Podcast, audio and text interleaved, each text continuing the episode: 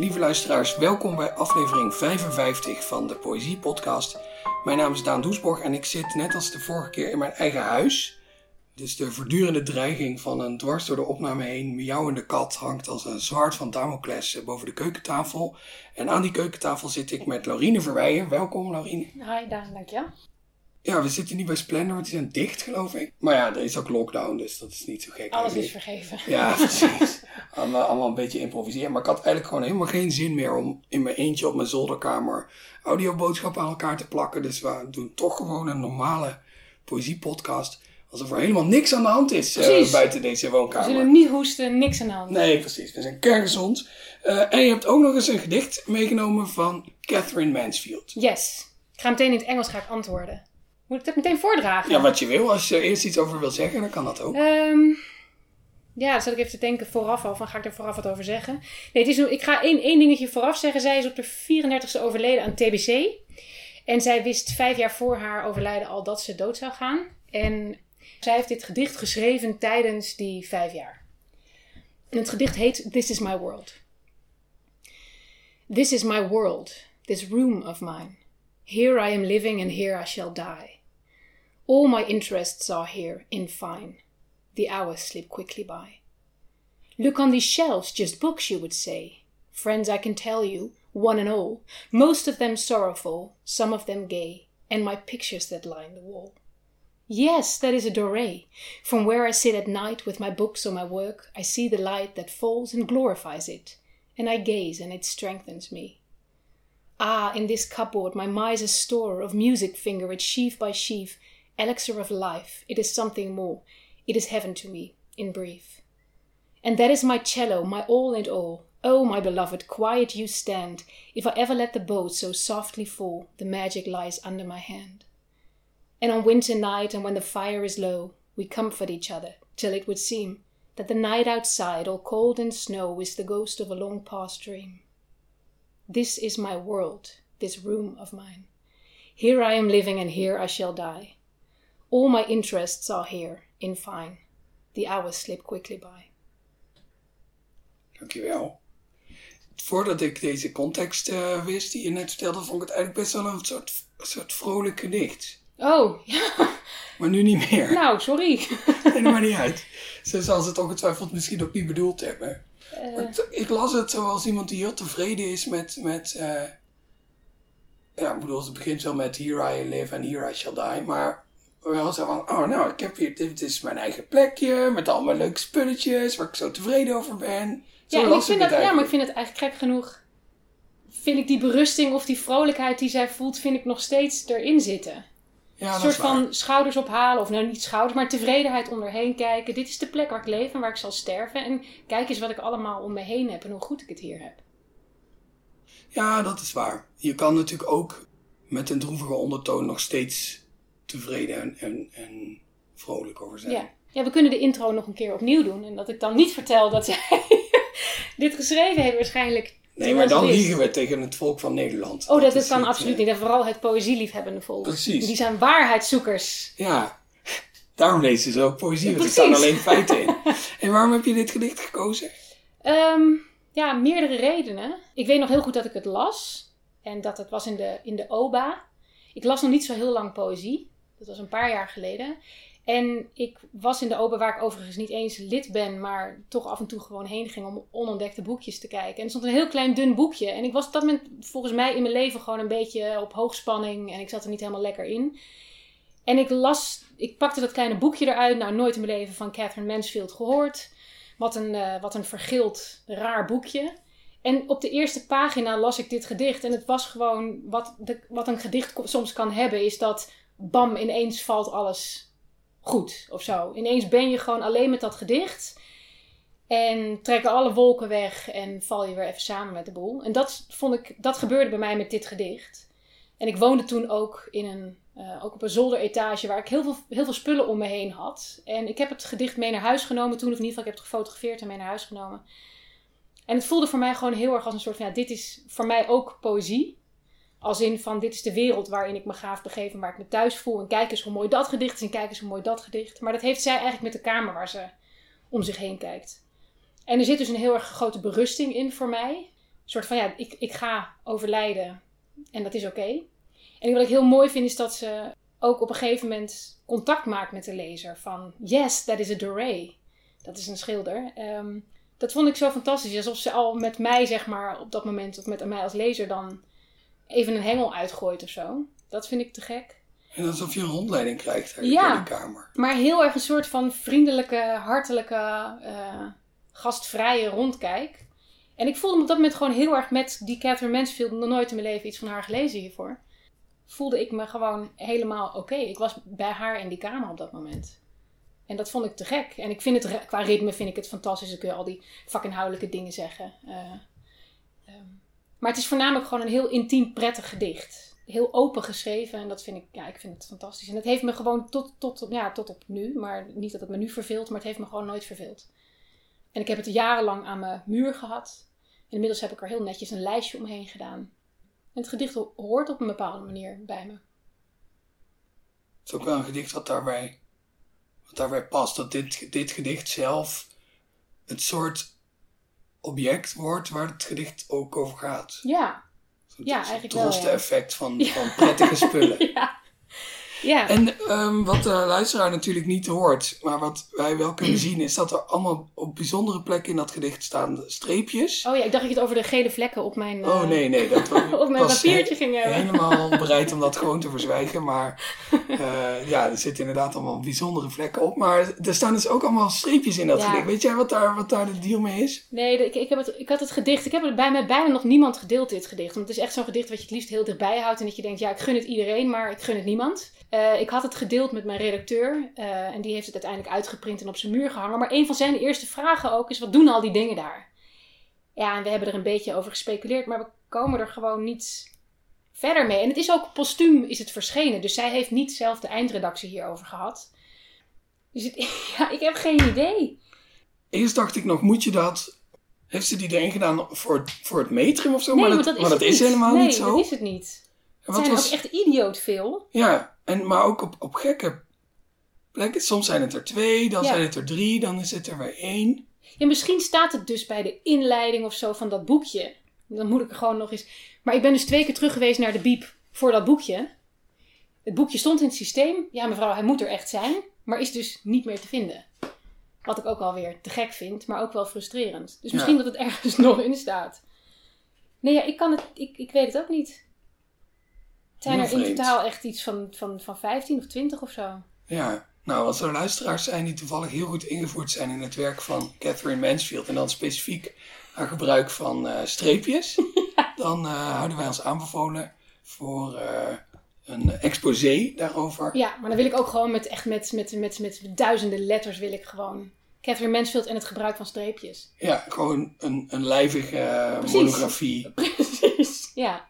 Ja, dus alleen als, als iemand dat geschreven heeft, mogen ze contact opnemen. Of nog wil schrijven, ja. Of nog wil schrijven, ja. Oké, nou helder. En was het nou ook een, een toevalstreffer dat je dit gedicht las en dat, dat je heel erg greep? Of, of ontdekte je later dat al haar andere gedichten je ook heel erg aanspreken? Nou, het stomme en debiele is, is dat ik van haar verder niet zo heel veel ken. Omdat ik dus dat boekje niet meer kan vinden. Uh, ze staat eigenlijk bekend, als je haar ook googelt, kom je voornamelijk over haar korte verhalen tegen. Dus het is ook het eerste werk wat van haar volgens mij in, zeg maar, qua poëzie verschenen is, is postuum verschenen. Ja, ik zal ongetwijfeld meer in, haar, in dat boekje hebben gelezen, maar die heb ik niet gefotografeerd, die heb ik niet mee naar huis genomen onder mijn oksel. Dus dat weet ik niet. En het gek genoeg is het ook als dan een gedicht me zo treft en ik denk van ja, dan wil ik ook niet zo heel veel meer. denk ik nee, ik, ik houd bij dit gedicht, want stel dat die andere gedichten minder fijn zijn, dan, uh, dan wil ik dat eigenlijk niet weten. Ja, dat zou ook wel jammer zijn. ja. En maar dit gedicht, zoals je het nu voor je hebt, is dus de foto die je gemaakt hebt in de OBA van het boek dat nu verdwenen is. Ja, dus, dus de voorkant inderdaad. Dus het is nu een liggend A4'tje met op de rechterkant het gedicht. En op de linkerkant de, de, het, omslag, eigenlijk met haar foto, Poems of Catherine Mansfield. En dat zijn de twee foto's die ik genomen heb. In een Word-documentje tegen elkaar aangezet. En uh, appeltje P, appeltje print. Ja, wat ik ook zo te gek vind is dat wat mij toen gebeurde, zeg maar, toen ik in die schappen stond van dat minst bezochte uh, stukje van de OBA waarschijnlijk, want daar komen niet zo heel veel mensen. Nee, ik denk het ook niet. dat, dat, en dat gedicht me zo raakte, weet je, dat je kent dat gevoel dat je denkt, oh shit, ik heb nog nooit eens gelezen, nu valt alles goed, nu zijn de wolken weg. Zij heeft op een gegeven moment, yes, that is a Doré. En die Doré, dat moet, naar mijn idee, moet dat de uh, schilder Gustave Doré zijn.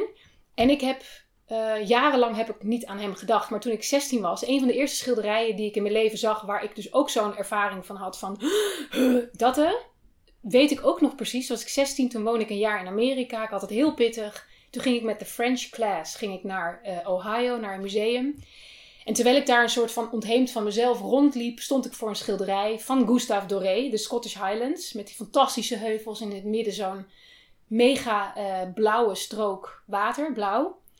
Dat ik toen ook eenzelfde soort ervaring had van dat als toen ik dit gedicht las. En ik heb intussen tijd nooit meer aan die Gustave Doré gedacht, of bijna nooit meer. En om hem dan tegen te komen in dit gedicht vind ik ook zo te gek. Nou ja, dat. Uh. Het was eigenlijk voorbestemd dat jij op dit gedicht zou stuiten. Oh, zo zou je het kunnen zeggen. En het was misschien ook wel voorbestemd dat dat boek kwijt zou raken. Ja, maar die gaat nog een keer terugkomen, dat kan niet anders. Maar ik kan nu ook zo slecht checken, want ja, dat is waar, de, deuren zijn hartstikke dicht. Het schijnt wel echt een groot probleem te zijn dat boeken in een bibliotheek eh, kwijtraken. Omdat ze dus zo ongelooflijk veel boeken hebben dat ze alleen maar vindbaar zijn omdat ze op hun, op hun plek staan. Ja. Dus als jij bijvoorbeeld een hekel hebt aan een niet nader te noemen Nederlandse dichter. En je komt een bundel van diegene tegen in een bibliotheek. Dan zou je in theorie die bundel Bij kunnen elektronica pakken. kunnen leggen of zo. Nou ja, gewoon twee planken naar boven. En dan, Ah. want niemand gaat al die planken af om te kijken waar die staat. Dat is niet te doen. Dus op het moment dat die bundel niet op die plek staat waar die hoort te staan. En er staat ook niet in het systeem dat die is uitgeleend. Dan heeft de biep een probleem. En dan, het enige wat ze dan kunnen doen is hopen dat iemand toevallig een keer met dat boek aankomt zetten. Ja. Maar in principe is het dan gewoon weg. Ja, ik had ook een soort van het, hele romantische scenario dat iemand anders net zo getroffen was door dit dunne boekje en het gewoon in zijn jaszak had meegenomen. Ja, dat kan ook nog. Ja, we kunnen kiezen wel voor welke versie we gaan. Maar je hebt nooit het, de neiging gehad om op boekwinkeltjes.nl te kijken. Ja, heb ik wel, maar toen wilde ik ook per se dit omslag. Oh, dus ja. ik wilde dan niet een, want er is voor mij wel een dikker boekwerk van haar met gedichten, maar die wilde ik dan niet Er natuurlijk. staan er wel meer in, misschien. Of Ja. het zijn hele grote letters. Heel veel streepjes. Ja, ik, vind, ik vind het ook gewoon qua ritme. En het is, het is een prachtig dichtbij gedicht. En ze is, gek genoeg voel ik die wereld. Ze zegt van this is my world, this room of mine. Maar je voelt daaromheen die andere wereld ook wel. Je voelt de buitenwereld. Ik, ik voel me heel erg verbonden met de vrouw die dit schreef op dit moment. De persoon die dit schreef. En het, het is gewoon qua, qua ritme ook heerlijk. Ja, het loopt lekker, hè? Ja, het loopt lekker, joh. Zou je het misschien nog een keer willen lezen? Ja. This is my world, this room of mine. Here I am living, and here I shall die. All my interests are here in fine. The hours slip quickly by. Look on these shelves, just books, you would say. Friends, I can tell you, one and all, most of them sorrowful, some of them gay, and my pictures that line the wall. Yes, that is a Doré. From where I sit at night with my books or my work, I see the light that falls and glorifies it, and I gaze, and it strengthens me. Ah, in this cupboard, my miser's store of music finger it sheaf by sheaf, elixir of life, it is something more, it is heaven to me, in brief. And that is my cello, my all and all. Oh, my beloved, quiet you stand. If I ever let the bow so softly fall, the magic lies under my hand. And on winter night, and when the fire is low, we comfort each other till it would seem that the night outside, all cold and snow, is the ghost of a long past dream. This is my world, this room of mine. Here I am living, here I shall die. All my interests are here, in fine. The hours slip quickly by. Dankjewel. Catherine Mansfield. Catherine Mansfield, zoek haar op. Zoek dat boekje op, In vind de het terug. opa, als ze weer open gaan. Het is een heel dun boekje. Ja. Ehm, dit is ook een heel dun boekje, wat hier op eh, tafel ligt. Maar dat hoort ook wel een beetje zo bij eh, dichtbundels. Voor een dichtbundel is het helemaal geen dun boekje eigenlijk. Ehm, dit is een hele klunzige inleiding op jouw eh, debuutbundel Gasthuis. Is eentje die ik nog niet eerder heb gehoord in ieder geval. Wat een... Nee, mijn vader zei dat er ook uit ook trouwens. Die had het op een gegeven moment had hij het gekocht. Ja, het is wel een dun boekje. dacht ik, ja, pap, poëzie. Ja, dat hoort erbij. Passen er wel meer van in een kast dan. Als je... Als iemand de behoefte heeft om er twintig naast elkaar te zetten. Ja, ik bedoelde eigenlijk meer als je een kast vol met poëzie hebt, dan staan dan veel Oh ja. meer boeken in dan wanneer je een kast vol met romans Precies. hebt. Diezelfde kast. Eigenlijk ook een soort van drosten-effect weer. Want één roman is één verhaal en een, een gedicht is per stuk een soort van verhaal. Dus dan in dat dunne boekje zitten ook nog eens een keer 35 aparte verhalen. Dus het is eigenlijk, ja, Het is hele efficiënte literatuur. totaal, ja. Je zou, je zou denken dat eh, de VVD vol zit met poëzieliefhebbers, maar dat valt dan ook weer tegen. misschien niet, nee. Nee. Eh, maar goed, jouw bundel eh, Ja. Mhm. dus is vorig jaar verschenen bij misschien wel de beste uitgeverij van Nederland. Ja. Die deze podcast niet sponsort. Maar Maar mij wel. promoten bij iedereen die langskomt. Uitgeverij van Oorschot. En ik kreeg louter lovende kritieken. Nou, ja, laten we dat zeggen. Ja, wel toch? Ja. En jij hebt de gedicht uitgekozen uit deze bundel. Ja, Wil je daar iets over vertellen? nee, we gaan van de eerste pagina van Catherine Mansfield naar de laatste pagina van eh, Gasthuis. Het gedicht heet Wat verborgen ligt overblijft. Het bestaat uit twee delen. Hoe smal de momenten, hoe ver de tijd. Er is een geur die mij aan vroeger hecht. Het eerste watergoud dat ik kocht. Lange fles, krullende kop. Een geur die me nu terugroept naar een eerder leven. Hoe ik later wist dat jij een meisje was, kon ik toen niet weten. Je was er al, maar overal. Hoe je samen balde uit het niet, jezelf tot bestaan plooide. Ik mijn hand moederlijk om je boog en onze beide ogen sloot. Jij er even. Al het grote van je leven in die zeven smalle weken. Voor het staal mij van je leegzoog. Hoe je meisje was en deze geur mij aan het leven voor jou hecht. Een grote hand gebogen, jij in de palm verborgen. Soms de seizoenen. Soms de gouden kou gevallen op natte gronden. Soms de warme lucht zwevend door zonnehanden. Soms een hommel in de kamer, hartje herfst. Soms de zon, soms de seizoenen. Dankjewel. En waarom heb je uit alle 35 gedichten in je bundel dit gedicht gekozen? Omdat het, als ik dan kijk naar, ik zat ook te kijken naar van welke is een mooi bruggetje. het is ook een intiem iets, maar het maakt ook een, eh, wat ik voelde, wat ik ervaarde toen ik dat gedicht van Catherine Mansfield las, was die echt die tijdsprong, die verbonden zijn met een ander, iemand in een andere tijd. En dat gedicht wat verborgen ligt, overblijft, dat op een bepaalde manier natuurlijk ook heeft. De, die geur eigenlijk, als ik, dat is natuurlijk de kracht van geuren, is je ruikt iets en ineens ben je 20 of 30 jaar terug in de tijd. En wat is er allemaal gebeurd in die tijd? En dat is die gebogen hand die er overheen gaat. Nu ben ik een beetje warrig aan het praten. Gisteren was het heel duidelijk waarom deze bij elkaar hoorden. Ja, omdat ze op een bepaalde manier met tijdsprongen te maken hebben en verbondenheid en ook een bepaalde berusting erin zitten. Is het ook wel typisch dat er dan... Het is hier toch wel redelijk stil, tot mijn genoegen. Maar dan ga je dit gedicht voordragen en dan beginnen er buiten allemaal kinderen doorheen te gillen. Ja.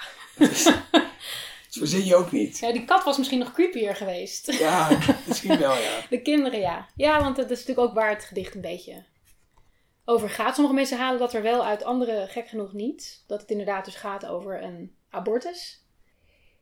En ja, dus inderdaad die kinderen buiten. De gezelligheid. Ja, nou ja, dat is wel een beetje misschien. Ja, dan moet ik oppassen dat ik niet heel, heel zweverig word. Maar wat je net omschreef met je, je stuit op dat gedicht van, van Mansfield, dat in feite in die OBA heel even bestaat op het moment dat jij daar bent. En daarna niet meer. Daar zit, zit Gustave Doré in. En ineens ga je helemaal terug in de tijd en herinner jij je een betekenisvolle ontmoeting met een, met een schilderij van Doré. Nou ja, nu draag je dit gedicht voor. En uitgerekend tijdens dit gedicht gaan er buiten allemaal, allemaal kinderen gillen. Soms, het is soms bijna alsof, alsof poëzie de, de eh, werkelijkheid een beetje kan buigen. Ja. Ja, en dat de, de juiste dingen dan uit de lucht komen vallen. Ja, Ja. of dat je... Ik geloof natuurlijk niet dat poëzie echt de werkelijkheid buigt. Maar misschien wel meer dat het je meer openstelt om naar die verbanden te gaan zoeken. Ja, dat sowieso. En dat vind ik ook het mooie aan, een, aan poëzie. Misschien wel in tegenstelling tot andere genres, is dat het kan allemaal, het kan redelijk, ehm, zonder dat het verband 100% duidelijk hoeft te zijn. Weet je zonder dat je de, de want of daarom of dit of dat. Weet je wat je in een roman natuurlijk, hey, help me even van A naar B. In een gedicht kan dat iets meer, kan daar iets meer ruimte tussen zitten. En, en dat je gevoelsmatig gewoon weet, het hoort bij elkaar. Dus ja, of de werkelijkheid ver- ver- verbogen kan worden, nee. Maar je staat er wel meer voor open dat, dat uiteindelijk alles bij elkaar hoort. Ja. En denk je dat dat alleen voor lezers geldt of ook voor schrijvers van gedichten? Ja, allebei. Want waarom komen de woorden en waarom komen de associaties die ik soms al jaren bij me had, waarom komen die net op het schrijven van een gedicht? Waarom komen die dan er zo, hoi, ik wil graag in je gedicht? Je, begint niet van, goh, ik ga nu een goed gedicht schrijven over een prullenbak of over een kat of over de kinderen buiten en ik ga daarmee aan de slag. Nee, je begint een gedicht en ineens zijn al, wauw, komt ineens die, uh, komt die andere associatie die je vijf jaar geleden hebt gedaan, komt het gedicht binnengefietst. Dus nee, op die manier gebeurt het natuurlijk bij dichters. En ja, wat, een, wat een lezer daar dan van maakt, ja, die kan misschien hier iets heel anders weer in lezen. Wat met zijn associaties te maken heeft. Heb je dan ook vaak dat je, als je aan een gedicht begint, eigenlijk ook nog niet zeker weet waar het precies over gaat? Oh, totaal. Als ik het, ja, nee, maar ik, het gek is ook als je zegt van ja, als je aan een gedicht begint. Ja, het klinkt heel zweverig, maar dat gedicht, ik begin niet aan het gedicht, het gedicht begint aan mij of zo. Dus dat is, ik bepaal niet wat de regel na de eerste regel. Ja, dat is echt debiel als een tierenleer natuurlijk, maar dat is wel echt hoe ik het ervaar. En als ik van tevoren al weet waar het over zal gaan. ik heb hier, ik heb wel een paar gedichten hierin die dat natuurlijk wel heel erg hebben. Maar het lekkerste vind ik als je, dat je na afloop denkt: wow, waar de, waar de F kwam dat vandaan? Hoezo is dit ineens op. Hoe kan dit? Dat vind ik het lekkerste. En niet van: oh, ik ga, ik ga nu eens een gedicht schrijven over hoe kwaad ik op. Weet ik het wat, die prullenbak ben of die kat. Nee. Dus dat verhaal, dat, dat, dat komt eigenlijk pas daarna. En ook de duiding van je eigen gedicht. En bij dit gedicht, je, je zei net, sommige mensen die halen er wel uit waar het over gaat en andere mensen niet. Vind je het dan vervelend als het, als het iemand ontgaat? Nee, maar ik denk wel, hoe kan dat? Zonder dat ik nu eventuele luisteraars die het niet in de gaten hadden dat het over een abortus ging, uh, af wil vallen. Maar voor mij is het zo duidelijk dat het erin staat. Maar uh, nee, ik vind het absoluut niet vervelend. Vind je ook niet... Ik vind het niet uh, storend. Ik vind, ik vind het eigenlijk niet. Gewoon geen mening over. Ik heb er geen mening over hoe, hoe zo'n gedicht gelezen wordt. Nee. Dat is misschien ook niet echt jouw verantwoordelijkheid natuurlijk. Nee.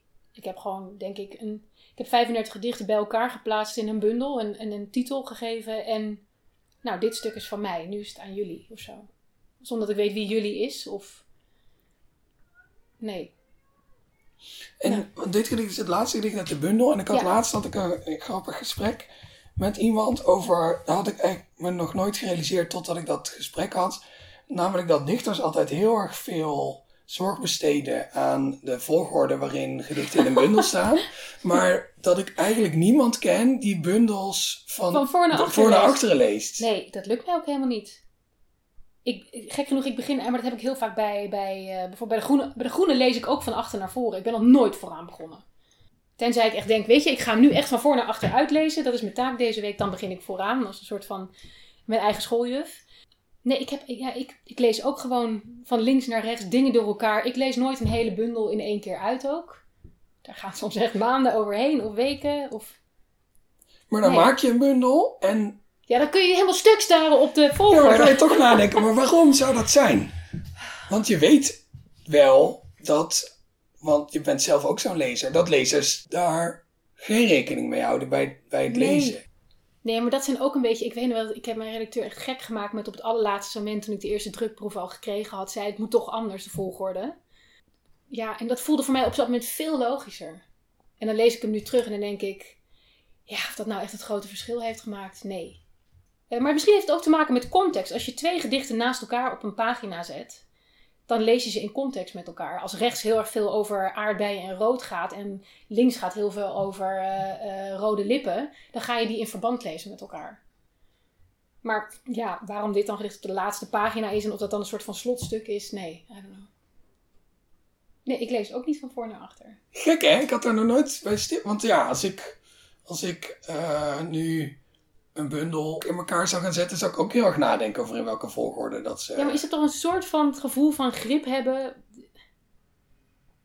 Ja, jeetje, die vraag had je me even vooraf moeten mailen. Had ik er hele zinnige dingen over kunnen zeggen. Had ik er over kunnen nadenken s'nachts en zo. Maar ik, nee, ik heb echt geen idee. Nee, maar ik weet het ook niet. Het, het zou wel niet... lekker zijn. Een soort van Mikado. Dat je denkt, nou hier heb ik 35 gedichten. En ik laat het los. En vloep, ze komen allemaal in de natuurlijke Nee, maar het is bijvoorbeeld wel. Ik weet nog wel dat ik aanvankelijk dacht. Ik heb bijvoorbeeld ook een heel lang gedicht over menstruatiecyclus. En eentje waar, eigenlijk waar die nu over, waar die mee begint, is een heel lyrisch gedicht over alle vrouwen. En ik dacht, nou, nou, dat moet ik eigenlijk ergens in het midden van de bundel stoppen. Want dat moet ik een beetje inkleden in wat stoerdere gedichten. Want anders zullen de mensen wel denken, nou, nou, dat is wel heel lyrisch en vrouwelijk. Toen zei mijn redacteur, ja, daar gaan we dus mee openen. Dat lijkt me een goed idee om daarmee te openen. Moest ik me echt over een drempel heen zetten van oké, nou, dan is dat dus de binnenkomer. Dames en heren, deze gedichten, daar gaat mijn bundel mee beginnen. Dat was in het begin ontzettend een soort van... En je oeuvre eigenlijk, want het is ook je debuut. Ja. het is goed dat hij dat toen niet gezegd heeft. Ja. ik dacht, nu is het er toch al, dus nu kan ik het wel op tafel gooien. Maar misschien dat sommige gedichten gewoon wat kwetsbaarder voelden, wat stoerder voelen. En dat je daar op die manier een beetje met die compositie bezig bent. Het is wel een interessant experiment misschien om, om, om, je hele manuscripten inderdaad als een Mikado-spel door elkaar te gooien. Dat in te leveren bij je redacteur. Ja. Aan de andere kant lezen vaak lezen mensen die de, die, die, die de bundels gaan bespreken wel zeggen... Nou, het eerste deel gaat hier en hier over, het tweede deel gaat hier en hier over. Terwijl ik dat onderscheid zelf helemaal niet had gemaakt. Het geeft een soort van houvast op een bepaalde manier. Maar dat is ook weer dat zo'n recensent er allemaal dingen uithaalt waarvan jij denkt, hey, ik heb er niet per se ingestopt. Dat is ook weer datzelfde mechanisme dat een gedicht vaak ook over dingen gaat waarvan je denkt, oh, gaat dit gedicht daarover? Nooit oh, ja. joh. Nee. Ja, er zit wel wat in. Maar dat, ja, of jij dat nou ziet, of een, of, of een lezer ziet dat, of een recensie, dat is natuurlijk net zo waar uh, voor dat gedicht. Ja. Ja, maar dat is dus hetgeen, ja, je, je gooit het de wereld in. En daarna is het niet meer van jou, je naam staat er nog op, maar het komt, uit, het komt bij jou vandaan, maar daarna heeft het niet zoveel meer met jou te maken. Sprak zij stoer. ja, maar je moet af en toe ook gewoon een beetje stoer doen, toch? Over je eigen uh, poëzie. Ja. Maar dit gedicht heeft me wel, net zoals ik bijvoorbeeld tijdens de jaren dat ik uh, de gedichten schreef. Dit gedicht hing aan de muur, er hingen bepaalde andere dingen aan de muur, er hing een essay aan de muur. Dit zijn allemaal wel um, versterkingsitems geweest. Als in van, ga die binnenwereld maar in. Omschrijf je wereld maar gewoon. Maak het intiem. Dus dat is, dat is de, de rol van dat lange gedicht van Catherine Mansfield ook geweest. En ik denk dat, ja, dat, dat zijpelt dan onderbewust ook weer door in je eigen poëzie. Denk je dat, die, dat je bundel ook een soort, zo'n soort Mansfield-achtige uh, kamer is dan? Maar dan van ja, ideeën en, en poëtische stijlen of zo? Ik denk ga ik nu te ver? Nee, ja, dat, dat, dan komt het zo één op één te liggen. Maar ik snap het wel hoor, dat je dat denkt. Ook omdat die bundel nog een keer gasthuis heet. Oh ja. Ja, maar het is allemaal niet zo heel erg bedoeld. Maar dat hoeft ook niet. Nee. Wat was ook alweer je vraag? Weet ik eigenlijk ook niet meer.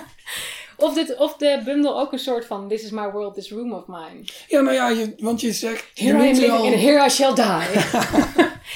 ja. Nee, maar... je omschrijft natuurlijk gewoon je wereld om je heen. Ja, wat ik misschien, waar ik misschien benieuwd naar was, maar dat is ook, geef ik meteen zelf toe, onmogelijke vraag om te beantwoorden. Je geeft aan toen je aan die bundel werkte en toen hing dit aan de muur. En dan vraag ik me af, wat zou dan de weerslag zijn van dat gedicht in jouw bundel? En dan niet toen dacht ik aan dat gedicht, toen heb ik die regel opgeschreven. Nee, oh nee, nee, nee maar dat is meer gewoon zo'n soort van spiegeling of zo. Alle dingen die ik aan mijn muur had, die, um, gek genoeg is, ik, heb, ik, ik woonde toen in een ander huis. En als ik ze nu aan de muur heb, deze hangt nog wel aan mijn muur, maar die gaat er op een gegeven moment denk ik ook weer van af. Omdat ze nu voelen voor mij als uh, verhalen die al verteld zijn of zo. Of gedichten die al geschreven zijn. Ik had het essay, dat essay was van Helene Xu, ik weet nooit helemaal hoe je het uitspreekt kom ik echt een ontzettende leek over natuurlijk. Ik zal van Helene, van Helene. opzoeken wat het is en dan de goede laten staan. Ja, of zo Google laten bespreken, ja. Oh ja, dat kan oh, ook nog. En die, die dwong mij, of die dwong, dat, dit, dat, dat, dit essay dat gaat over vrouwelijk schrijven. En die zei, ga maar doen, ga maar doen. Ga maar heel erg vrouwelijk schrijven. En dit was voor mij vooral een stok achter de deur, eigenlijk een stok voor de deur. Zoek het zeg maar uh, dicht bij jezelf. Schrijf maar gewoon over wat jou bezighoudt, in plaats van de buitenwereld. En zo had ik nog een paar foto's of van theatervoorstellingen waar ik geweest was, die me op een bepaalde manier waren bijgebleven. En zo, ja, dat, het is meer een soort van, ja, je kunt lijstjes maken, doe meer dit, doe meer dat, uh, ruim je kamer beter op. Nou, en dat zijn eigenlijk al die dingen die je aan de muur hangt, denk ik. Je, als in de schrijver, of ik als schrijver. Uh, zonder dat het echt geheugensteuntjes zijn. Meer opdrachtjes aan jezelf. Dat denk ik. En niet alleen tijdens het schrijven, maar ook tijdens het publiceren. Want dat merkte ik bij een paar gedichten wel, is dat niet het schrijven, dat, dat bracht me uh, schroom of schaamte, maar meer het publiceren en naar buiten brengen. Dat, dat, dat daar een hogere drempel zat. Misschien als je het alleen maar opgeschreven hebt, kan je ook nog ervoor kiezen om het in een la te leggen. En ja, om het niet te laten bestaan. Ja. ja. Terwijl nu kan iedereen naar de website van de Betere Boekhandel. Ja. En dan eh, een exemplaar van jouw bundel thuis laten bezorgen. Precies. Om de boekhandel te steunen. Om de lokale boekhandel te steunen, inderdaad. Ja. Ja, nee nu, nee, nu staat het geschreven en nu is er geen, echt totaal geen weg meer terug natuurlijk. Uh, dus dan lig je echt te grabbel. Ik had daar ook in het begin wel, uh, ik, was wel een beetje, natuurlijk wel een beetje zenuwachtig voor publicatie. Zeg maar dat het bundel uitkwam. Omdat ik het ook wel kwetsbare gedichten vind. En er zit geen, ik heb geen vormlaag eroverheen gegooid. Soms weet je, kun je nog een soort van afstandelijke vorm creëren. Nou, dat zit bij sommige gedichten er echt totaal niet in. Dus heb ik echt het gevoel van, nou jongens, ik ben even met mijn benen wijd naast dam, dam gaan liggen. Laat je hond maar aan me ruiken. Zo voelde het echt een beetje. Dit is echt een hele gore metafoor trouwens. Hele gore beeldspraak. Maar daarom ook wel goed. Ja, maar zo voelt het een beetje. En durf je nu nog een tweede bundel te maken? Ja, maar ik heb wel altijd tegen mezelf gezegd dat ik er tien jaar over mag doen. Oh ja, nee, dat Maar hoezo durf je nog een tweede bundel? Omdat, nou het, ja, omdat het dus zo kwetsbaar voelt. Ja, en gek genoeg blijven erachter dat je denkt, nou, nu heb ik al mijn kwetsbaarheden wel op straat gelegd. Ja, en dan verdomd is er nog een tweede laag met kwetsbaarheden. En ik weet gewoon dat daar, je, als je eenmaal weet waar de, waar de, waar de naalden zitten, zeg maar. Alsof ik zo'n heroïneverslaafde ben. Nee, maar als je weet waar de, waar de schaamtes zitten of de pijnpunten of zo, dan denk ik dat je als schrijver ook al weet, ja, maar daar moet ik dan dus gewoon in. Dat kan je niet echt negeren. Het is niet zozeer durf ik nog een tweede bundel, ik weet gewoon dat ik, op, dat ik moet. En niet moet van de buitenwereld, maar moet van mezelf. Ja, maar waar het, en waar het heen zal gaan, ik heb alleen nog maar een soort van vage associaties en kleuren in mijn hoofd en materialen, waar ik bij deze bundel heel duidelijk wist gewoon, ik wil krullen en zwierig en zo. Dat was een soort van iets wat me ook in kunst bijvoorbeeld heel erg aansprak dingen waar je dan op zoek naar gaat, gevoelsmatig, qua substanties of weet ik het wat, voel ik nu waar het nu heen gaat. Welke kleuren nu meer aandacht van me vragen. Maar ja, ik, ik mag er dus tien jaar over doen.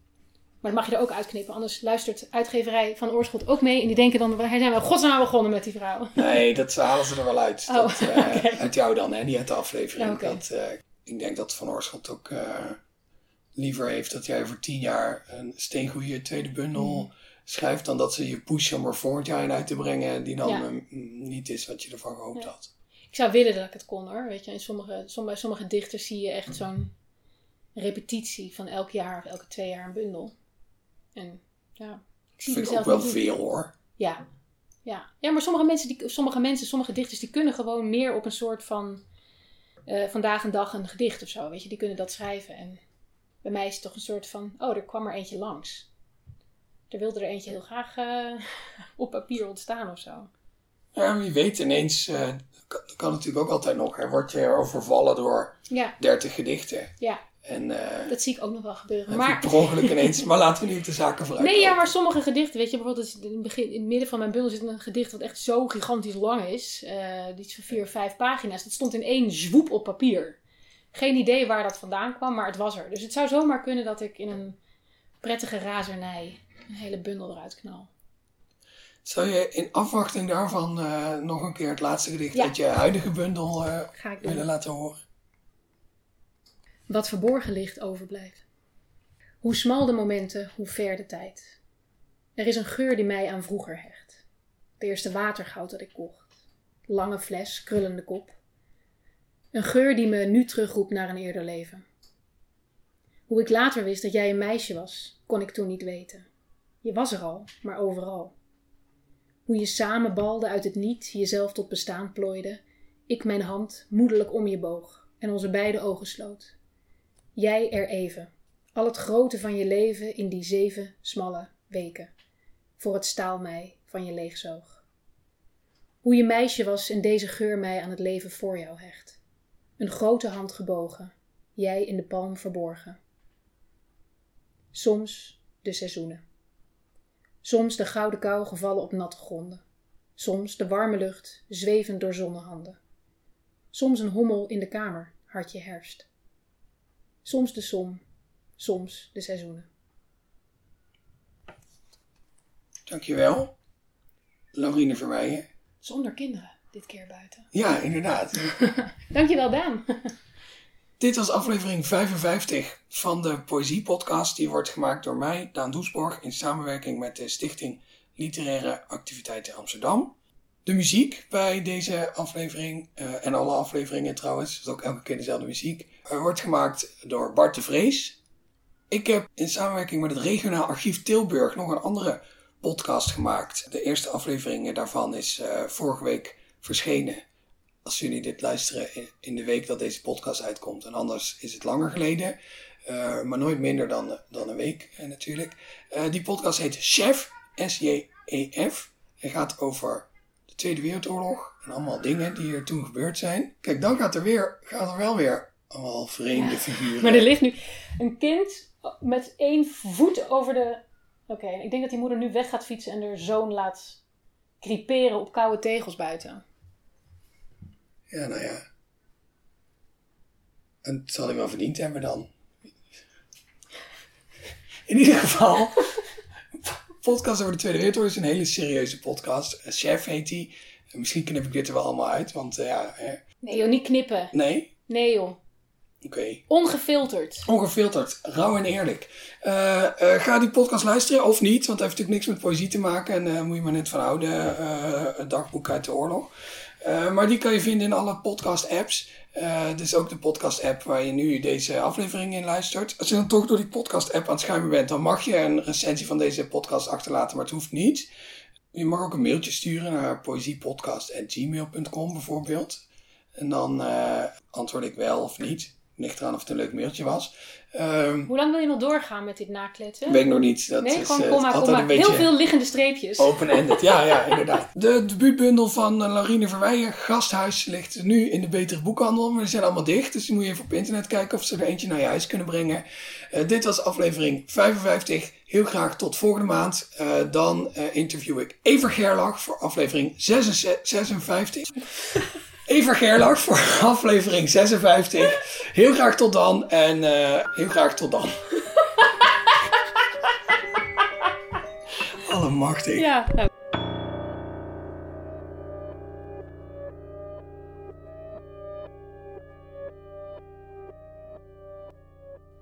Je luisterde naar een aflevering van de Poëzie Podcast. Daan Doesborg is schrijver en presentator. In 2010 werd hij Nederlands kampioen Poetry Slam. Momenteel werkt hij aan zijn debuutroman, die zal verschijnen bij uitgeverij Van Oorschot.